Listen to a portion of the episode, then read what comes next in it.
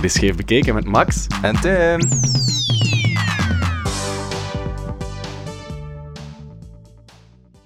Tim, zal ik een sexy verhaal vertellen? Ik ben er helemaal klaar voor. Sexy muziek on. Ah. Oké, dit is een verhaal van lang geleden, toen ik nog student was en aan het daten was met een jongen. Eigenlijk technisch gezien was ik niet student, pas afgestudeerd, een beetje werkloos en dan heb je veel tijd om te daten. Anyway, het verhaal gaat totaal niet over mij, maar over die jongen. Iets dat hij heeft meegemaakt en dat hij mij vertelde in bed. Ja, we gaan hem gewoon Lucas noemen voor, ehm, voor het verhaal. Dat is ook een mooie naam. Mhm. En Lucas eh, studeert architectuur. En dat betekent dat je soms eh, lange nachten moet doortrekken om maquettes te maken. En Lucas zat op kot eh, en zijn kotgenoot, dat was zo'n gast, best wel knap, kwam regelmatig bij hem zo'n beetje flamen en socializen. En dan eh, ging hij weer weg. Maar die was heteroseksueel. Nu, op een avond zit hij eh, aan zijn maquette te werken. Het belooft weer zo'n lange nacht te worden. En eh, zijn kotgenoot komt binnen en zegt: Ah ja, ik ga nog uitgaan. Maar fuck, ik sta echt super hitsig vanavond. Ja, echt, als ik, als ik geen griet vind vanavond, kan ik dan bij jou terecht? En hij lacht en zegt: Ja, ja, ja, kom, kom, maar, dan, kom maar even aankloppen dan. Dus oké. De jongen trekt eh, de deur achter zich dicht, gaat uit. En flash forward naar eh, twee uur later of drie uur later en hij hoort gestommel in de gang.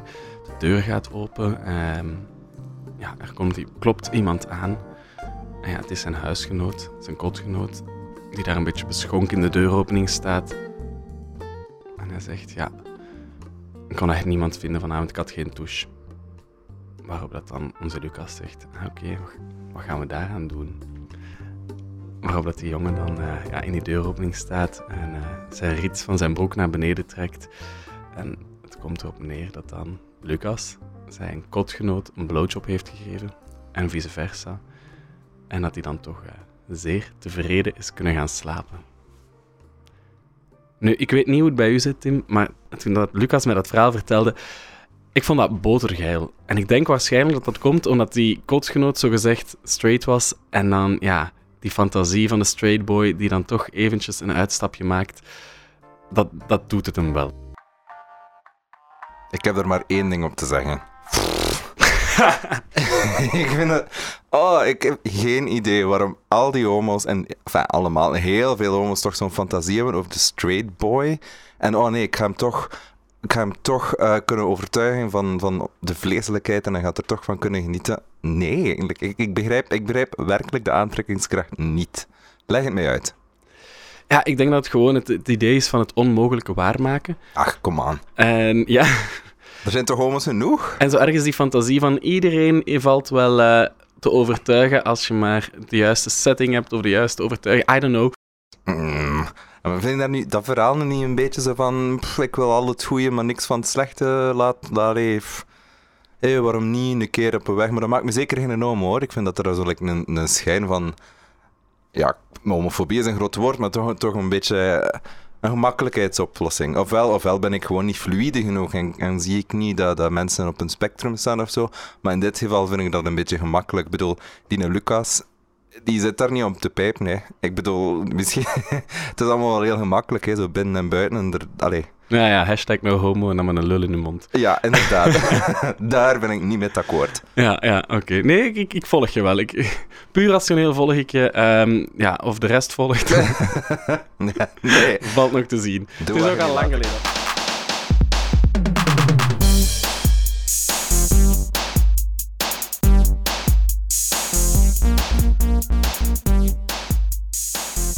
En dat sexy verhaal brengt ons naadloos bij het cliché van de week. Biseksualiteit is een fase of, nog erger, het bestaat gewoon niet. Ja, want jij bent zelf ooit ook nog biseksueel geweest, Tim. ja, dat is lang geleden.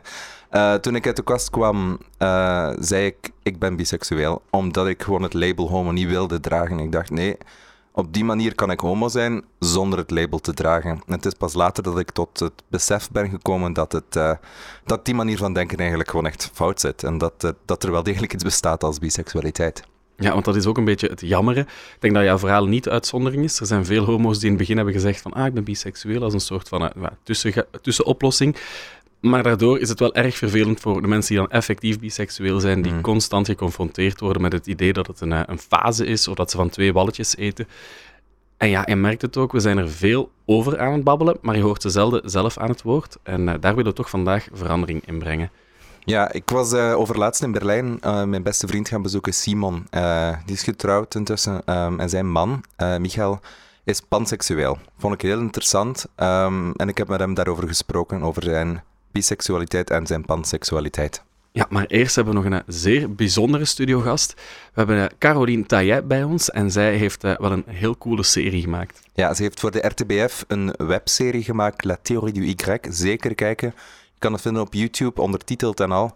Eh, en het is een serie die een gezicht geeft aan biseksualiteit. Anna. Anna. Ça va, t'es sûre Qu'est-ce qui s'est passé On m'emmerde dans mon couple. Je crois que c'est pas normal. hein. Je te connais pas. Bon, tu payes combien pour avoir son numéro de téléphone Ah, tu t'es donné toi pour me retrouver Ça t'a dérangé La nouvelle meuf de Claire Euh, ouais. Sérieux, j'ai jamais vu autant de lesbiennes d'un coup, là, vous vous cachez où Ah, On se cache pas, on est partout. Je suis pas lesbienne Mais t'es quoi alors? Tu me dégoûtes, tu me dégoûtes suis pas normale en fait. Qu'est-ce qui se passe avec Il se cette passe meuf rien, ok Il se passe rien Mais arrête, tu fais n'importe quoi. Là, tu vas faire du mal à tout le monde. Je te plais comme ça. Moi, quand j'ai compris que j'aimais les meufs, je vais pas poser mille questions Ok, comme toi. ok.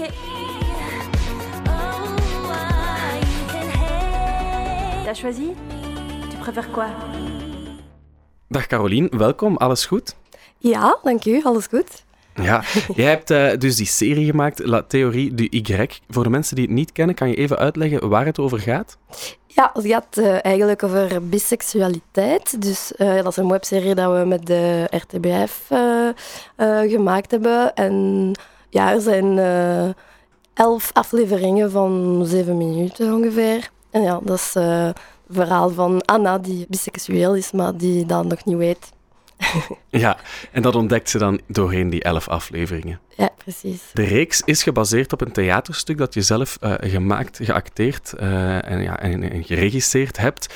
Eh vanwaar die fascinatie met het thema, want het houdt je toch al een tijd lang bezig. Ja, voor mijn thesis heb ik de, een eerste versie van La Théorie du Y, de toneelstuk, het toneelstuk geschreven. En ja, waarom? Eigenlijk heb ik eh, voor mijn thesis eh, wilde ik eh, toneelstukken vinden die over biseksualiteit praten. En ik heb bijna niks gevonden. En ik dacht, oké, misschien is er iets dat moet gedaan zijn. En dat is ook omdat ik als tiener vond ik niks over biseksualiteit. En ik was een beetje alleen met veel vragen en er was niks in eh, boeks, in eh, literatuur, in eh, films, in fiction, in toneel over biseksualiteit. En dus ja, ik dacht, misschien is dat belangrijk. Dus je hebt, je hebt eigenlijk biseksualiteit een beetje zichtbaar gemaakt. Want biseksualiteit is ook redelijk onzichtbaar. Hè? Als, je, als je erover nadenkt, toch zeker als je in een relatie zit, dan mo- moet je zogezegd kiezen tussen ofwel samen zijn met een man ofwel met een vrouw. Ja. Heb, heb je daar iets over te zeggen, over die onzichtbaarheid? Ja, er is een, ehm, een deel in de, het toneelstuk waar eh, Anna probeert te kiezen en ze telt punten eh, voor vrouwen en voor mannen. En dat werkt niet, omdat zij kan niet kiezen. Zij, zij, zij moet niet kiezen, maar ja, ze heeft het woord biseksualiteit nooit gehoord. Dus ja, dat is ook belangrijk om aan iedereen te zeggen, dat is ook mogelijk. Je, misschien, je kan ook voor mannen en voor vrouwen zijn. Ja, ook in de reeks komt dat kiezen heel erg terug. Daar hebben we ook een fragment eh, van meegebracht. Putain, j'aurais dû me douter que t'étais comme ça. De quoi tu parles Mais je parle des meufs comme toi qui savent pas ce qu'elles veulent. C'est vraiment ce que tu penses Ouais, c'est ce que je pense. Je pense que t'es quelqu'un qui passe des meufs aux mecs et qui sait pas ce qu'elle veut. Ouais, peut-être qu'il faut pas absolument vouloir faire un choix, non Si, t'es obligé de faire un choix. Kiezen, was het een idee dat jou werd opgelegd? Ja, maar eh, het is ook een idee. Veel mensen denken dat biseksuele eh, personen zijn personen die niet kunnen kiezen. En dus eh, ja, als je denkt, oké, misschien ben ik biseksueel en je hoort alleen maar, ah ja, maar je zal wel bijna, je, je zal weten wat, eh, wat je liever hebt, maar eh, nog niet. Je moet een beetje proberen. En, en, en, en, dus ja, dat echt, je bent gek, omdat je, je denkt, oké, maar wie ben ik? Ik, ah, ik ben zeker dat ik op eh, een vrouw verliefd was, maar ook op die man, dus wie ben ik? En dus ja, dat neemt misschien meer tijd om zeker te zijn dat je, oké, nu ben ik biseksueel en nu kan ik zeggen, oké, ik ben zeker dat ik weet wie ik ben, omdat ik biseksueel ben en dus dat bestaat. Ja, ja. Waren er vooroordelen? Dus je zegt mensen zeggen, hey, je moet kiezen. Zijn die mensen dan voornamelijk hetero of waren die mensen voornamelijk homo en lesbiennes? Waren, of heb je van beide kanten te horen gekregen dat je moest kiezen? Ja, echt van de, de, de Hmm. twee kanten. En misschien, ja, misschien eh, zou jij denken dat de Olebis zijn meer, eh, ja, ze weten meer over biseksualiteit. En, maar eigenlijk is dat niet. Dat is, ik, ik zal niet zeggen dat iedereen tegen biseksualiteit is, maar dat is ook moeilijk omdat ja, le- lesbische vrouwen, veel lesbische vrouwen willen geen biseksuele vrouw hebben, omdat ja, ze denken dat wij zullen teruggaan met een man als we een opportuniteit hebben en dat we kunnen teruggaan in de goede, gemakkelijke hetero-wereld gaan als we willen. Dus dat is ook moeilijk. Mhm. Ja, want sommige mensen denken, goh, het is misschien makkelijker, want je kan gewoon beide kanten op. Ehm, terwijl dat coming-out proces toch wel helemaal anders is. En je verwoordt het ook heel mooi. Het is ja, constante, die constante twijfel tot je effectief beseft, ik moet niet twijfelen, want dat is... Ja, wat moeilijk was als ik eh 16 eh, jaar was en ik was mijn vrouw. eh, ik wilde, ik, ja, ik kon dat niet goed begrijpen, maar ik wilde geen coming-out doen. Ik wilde niet aan mijn ouders zeggen, ik ben lesbische, omdat ik voelde dat ik niet alleen lesbische was. En dus, ja, ik zal niet zeggen dat is gemakkelijker of moeilijker, maar ik denk dat als homo, als je weet het, en dus da- daarna kan je dat zeggen, en dan is het gedaan en iedereen weet het, en dat zal niet meer veranderen. Maar als biseksueel, je moet zeker zijn dat je biseksueel, biseksueel bent, en daarna moet je dat kunnen uitleggen. En dat is ook heel moeilijk te uitleggen, omdat mensen begrijpen dat niet. Dat is niet zwart of wit, dat is Mhm. grijs. En ja, mensen willen goed begrijpen. En ja, dat is nog niet gemakkelijk te zeggen. Is dat ook moeilijk om te zeggen aan een partner bijvoorbeeld? Als je stel je komt iemand tegen, want die hebt een lief, hè? Ehm, is dat gemakkelijk? Enfin, gemakkelijk. Nee, dat is niet gemakkelijk. Nee. Nee, nee, nee. eh, ja, maar het is ook- dat is ook belangrijk voor mij om met iemand te zijn die dat eh, begrijpt. En, eh, dus ik moet altijd veel verklaren, zeggen, oké, ik ben nu met, ja, ik zal, ik heb niet van, ik ben nu met een man, ik heb niet van een vrouw nodig, maar ik moet dat veel en veel zeggen in het begin en daarna is het duidelijk en hij begrijpt dat wel. Maar dat is ook echt belangrijk voor mij dat hij dat goed begrijpt en dat hij weet dat ik altijd seksueel blijf. en dat zal niet veranderen. We hebben het eerder al gehad over de homo die denkt, ah, iemand die straight is, misschien kan ik zijn fluïde kant eh, ontlokken en kan ik hem over de streep trekken. En omgekeerd kan ik me voorstellen, als je als biseksuele vrouw een coming-out doet aan, aan, aan een man, bij wie je wel iets ziet zitten, dat die man al gemakkelijk kan denken, ah, cool, nu kan ik eh, eindelijk een trio hebben met twee vrouwen, bijvoorbeeld, om het... eh, Ja, ja, ja, ik hoor dat elke dag.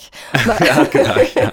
maar dat is ook, ja, oh, dat, is niet, dat is niet erg, maar dat is ook, ja, veel mensen denken dat biseksuele mensen zijn meer, we hebben meer seks, we hebben altijd seks met iedereen. En er zijn ook mensen die denken dat we de, zoals zeggen jullie dat, Ja.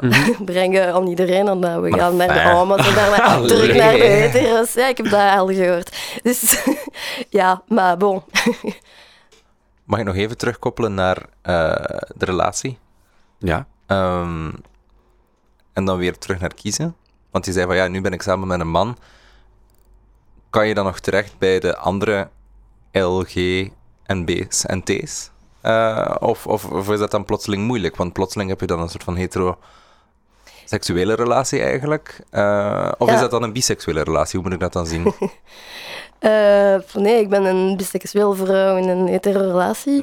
Eh, maar dat is altijd belangrijk voor mij om in de biseksueel... Maar, nee, in de Olebi-wereld te blijven. Biseksueel wereld bestaat niet. En ja, ik doe dat. Ik, wel, ik heb een, mijn stuk en mijn webserie en daarover spreek ik veel en werk ik veel in dat wereld. Dus dat is ook, ook belangrijk. Maar ook eh, feestjes en zo. En eh, in de ja, Olibis vrienden heb ik veel. Dus ja, dat is heel belangrijk voor mij.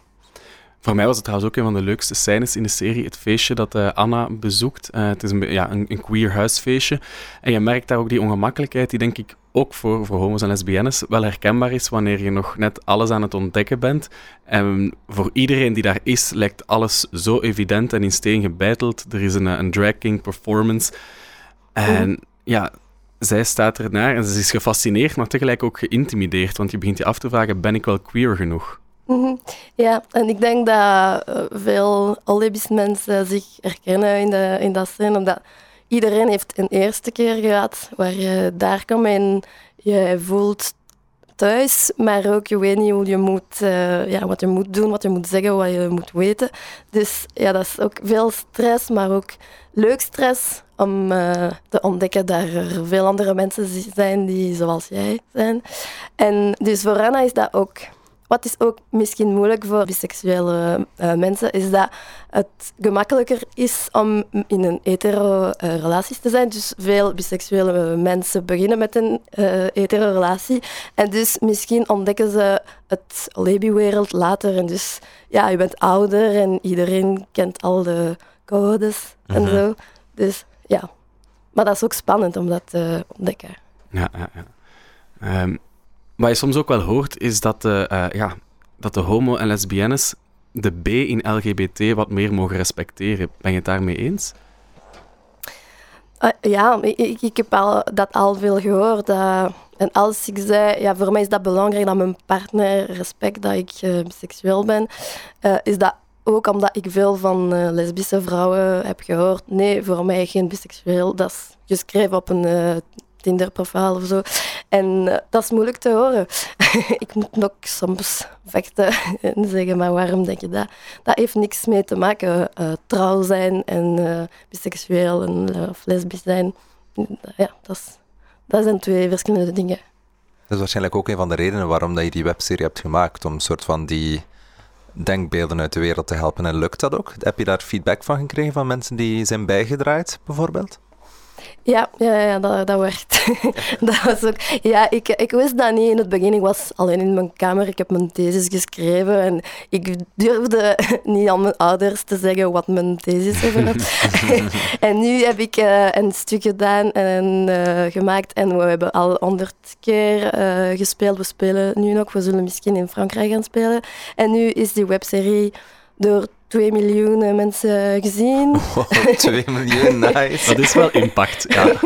ja, en dus we, zullen, we zijn nu de tweede seizoen aan, uh, aan, het schrijven. En op YouTube kunnen we veel uh, comment, commentaar ja. ja. lezen. Komt. En we spelen, we spelen ook veel de stuk voor uh, leerlingen, voor tieners. En daarna spreken we elke keer met de tieners.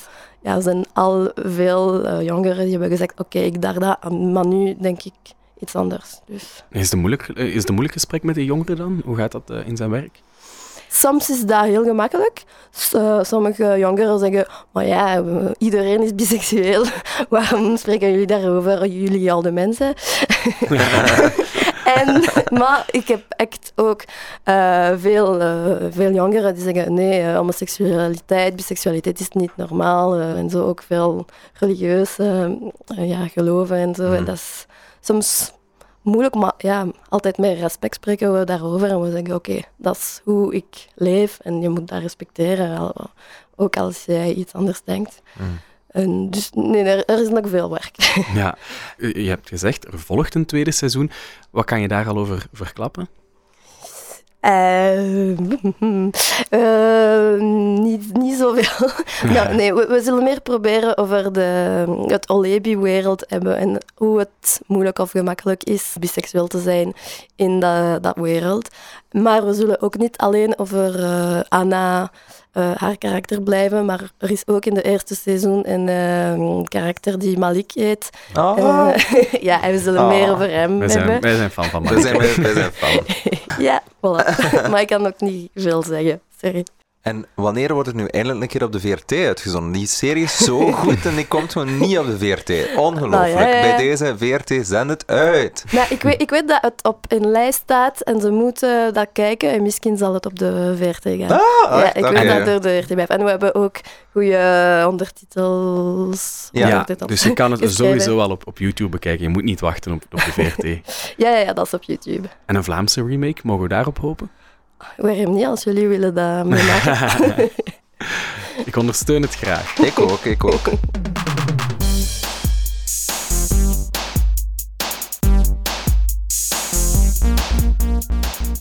Als er één ding duidelijk is geworden in Carolina betoog, dan is het wel dat kiezen onzin is. Ja, en zeker nu dat we steeds vaker nadenken over wat is mannelijkheid, wat is vrouwelijkheid, op welk spectrum bevindt seksualiteit of gender zich, staat biseksualiteit als term ook niet stil. En ik was, ehm, zoals je daarnet zei, al in Berlijn met iemand aan het spreken, de man van eh, mijn beste vriend, en die vertelde over panseksualiteit. Oké, ik ben benieuwd.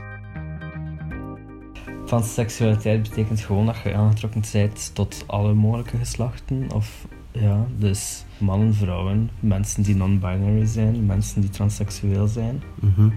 En het is op zich niet echt een identiteit voor mij, maar het is gewoon puur een ja, natuurlijk gevoel.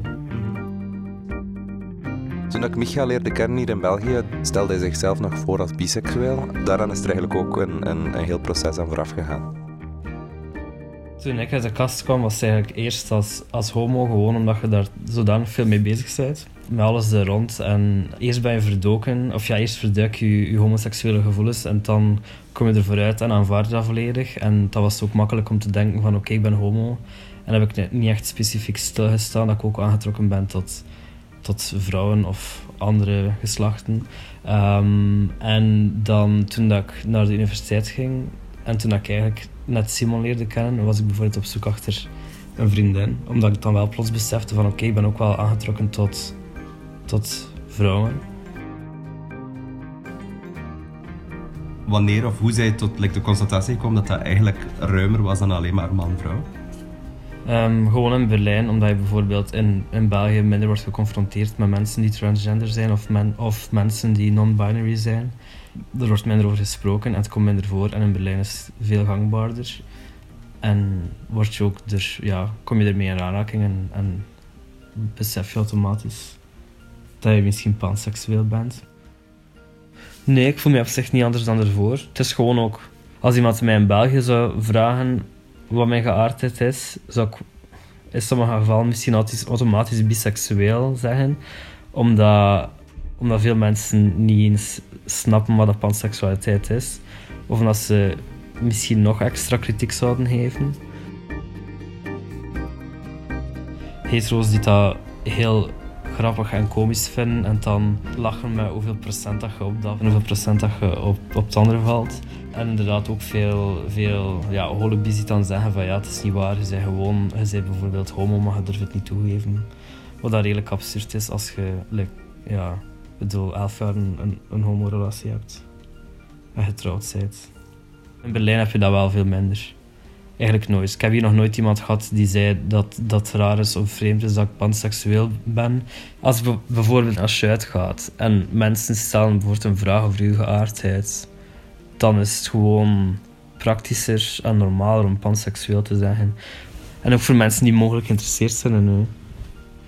Want de persoon die dat vraagt, of de, de persoon die misschien interesse in- heeft in u, die, ja, dat kan iemand zijn die trans is, of dat kan iemand zijn die non-binary is, of die genderfluid is bijvoorbeeld. Maar hier is het gewoon heel normaal en heel makkelijk, omdat het ook gewoon gangbaar is.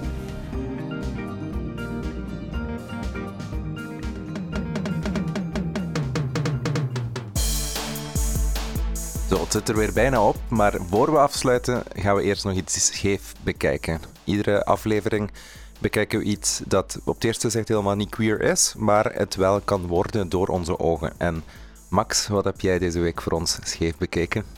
Onze eigen stad, waar dat we nu in aan het opnemen zijn, waar dat we ook allebei eh, wonen, Brussel. Hmm, Ja, vertel eens. Vertel. Wel, Brussel voor mij is zeker de meest queer stad van, van ja, België. Dat spreekt al voor zich. Dat is ook niet zo moeilijk om te zijn. Maar misschien ook aan zich een queer stad. En waarom? Ehm, niet omdat hier de, de grootste gay scene of nightlife is. Het is er natuurlijk wel. Maar gewoon omdat Brussel queer in de zuivere betekenis is. Aha. Wat bedoel je daarmee? Namelijk eh, dat het... Het is niet voor één gat te vangen, pun intended, of Ah. course.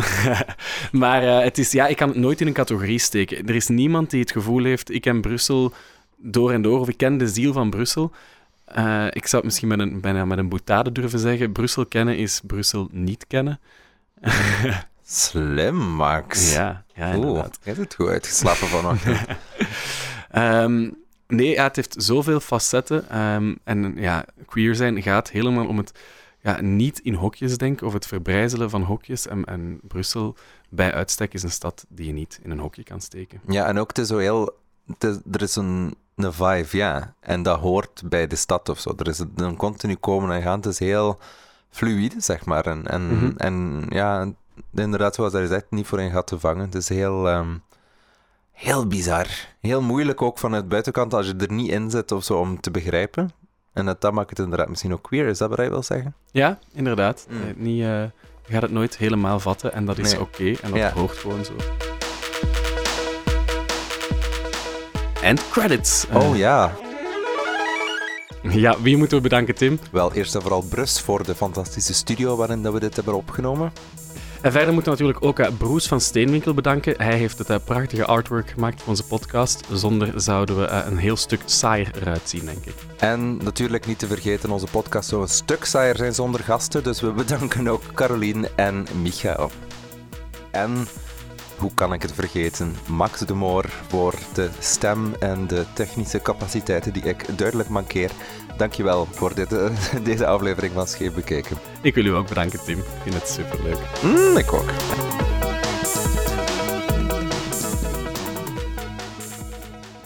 Hallo, het is Max hier nog even.